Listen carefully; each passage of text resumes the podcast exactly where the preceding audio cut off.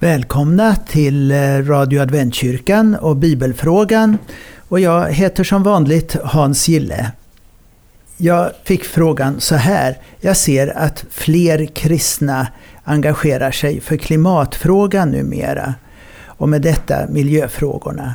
Är det förenligt med Bibeln egentligen? Den säger ju att vi går mot den stora kollapsen och att vi ska påskynda Jesu återkomst. Det känns som om något glappar. Ja, min sann. Det har nog glappat för oss lite till mans. För visst är miljöfrågorna riktigt högt uppe på dagordningen på många ställen. Från den globala med fördrag och politik till den personliga, hur vi gör med plastpåsarna. Och det finns ett bibliskt perspektiv på frågan. Den har funnits där hela tiden, men är givetvis riktigt aktuell idag med alla beräkningar och profetier om framtiden. Bibeln den beskriver ju vår värld som den som en gång ska falla och förstöras. Till exempel Matteus 24.35 Himmel och jord ska förgå, men mina ord ska aldrig förgå. Eller i Andra Petrus 3 och 10, men Herrens dag kommer som en tjuv och då ska himlarna försvinna med våldsamt dån och himlakropparna upplösas av hetta och jorden och dess verk inte mer finnas till. Så Bibelns budskap är klart. Det blir ett slut på all ondska och plåga. Och jorden behöver tydligen bli ödelagd. Petrus fortsätter i vers 11. När nu allt detta går mot sin upplösning, hur heligt och gudfruktigt bör ni då inte leva medan ni ser fram emot Guds dag och påskyndar dess ankomst, den dag som får himlarna att upplösas i eld och himlakroppar att smälta av hetta. Det verkar ju märkligt att vi kan gå och hoppas och längta efter en så fruktansvärd dag. Men det beror ju på att detta ju också är början på något helt nytt. För texten fortsätter. Vers 13. Men efter hans löfte ser vi fram emot nya himlar och en ny jord där rättfärdighet bor. För det första, alltså jorden förgås. För det andra, Gud skapar, som det står i texten, nya himlar och en ny jord där rättfärdighet bor.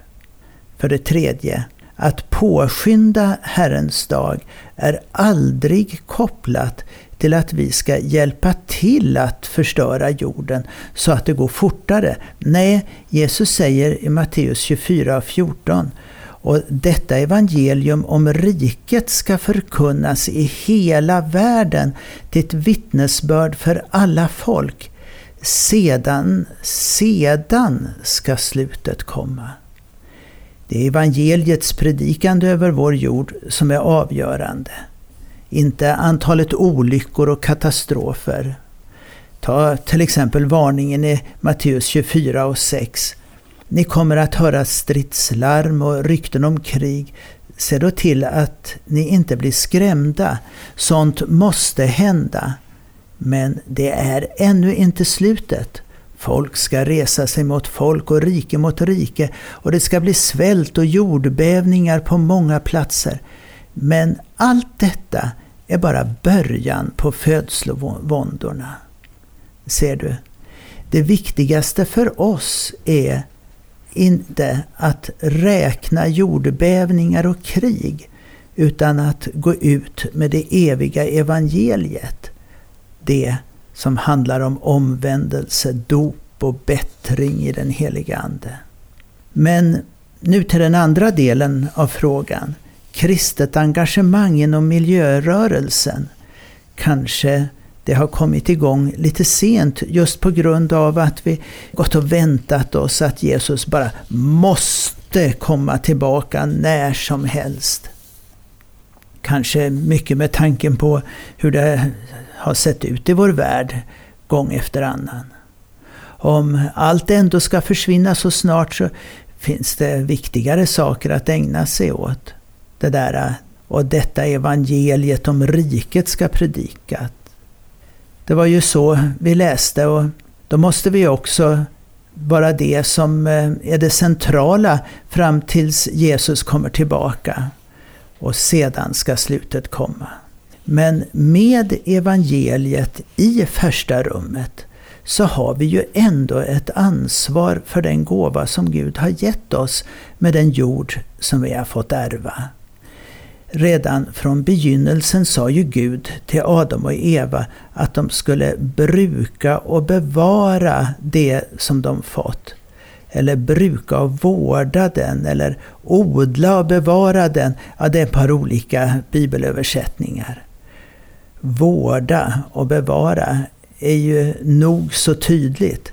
Den tanken återkommer sedan i en del föreskrifter som eh, Mose fick. Ta till exempel regeln att den odlade marken skulle ligga i träda vart sjunde år. Den skulle få vila den också. Detta hade man inte hållit och en av anledningarna till den babyloniska fångenskapen så säger profeten att det blir just 70 år för att gottgöra för alla de gånger man låtit marken brukas så att den inte har fått vila. Du finner det här i Andra krönikeboken 36, 20-21. Så givetvis var orsaken först och främst folkets moraliska förfall som Jeremia skrev mycket om.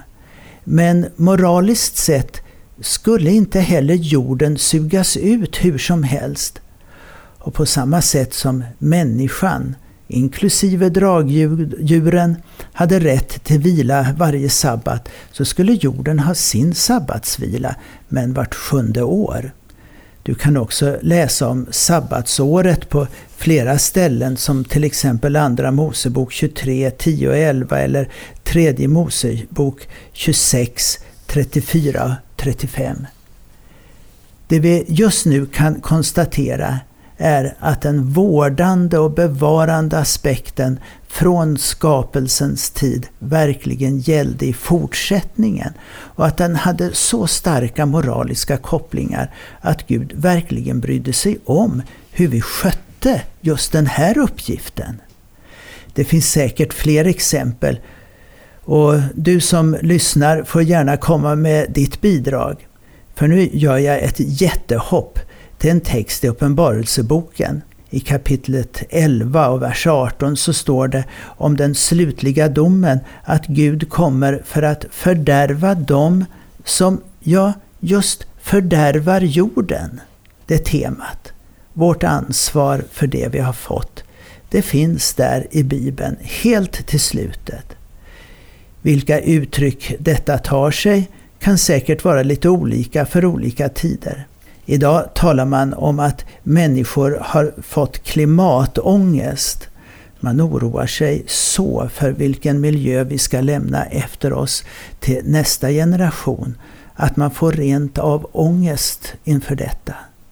Och Jesus säger ju faktiskt i Lukas 21 och 25 att människorna kommer att få ångest och att de ska stå rådlösa vid havets och vågornas dån.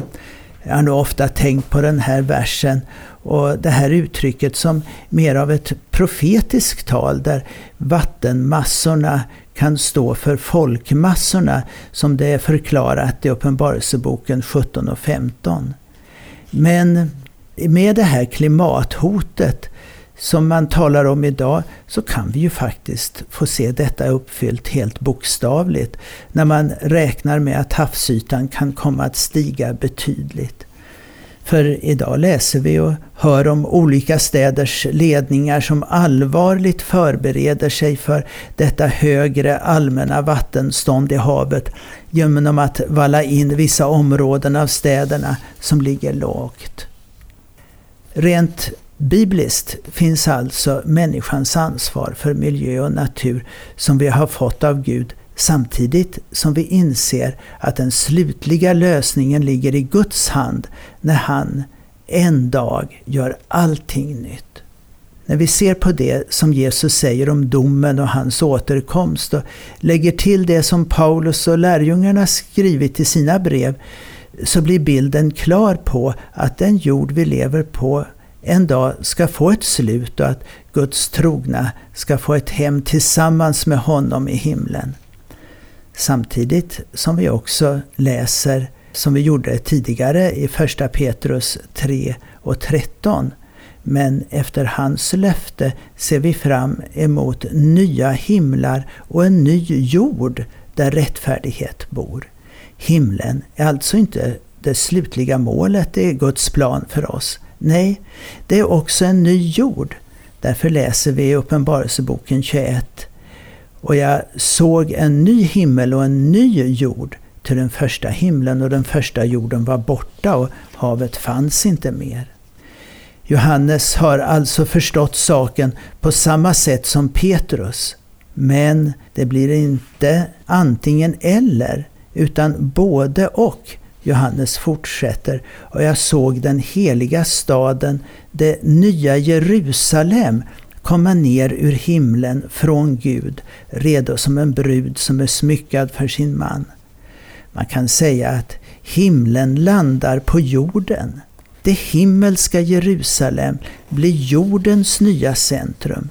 Så blir Gamla testamentets profetior nämligen uppfyllda.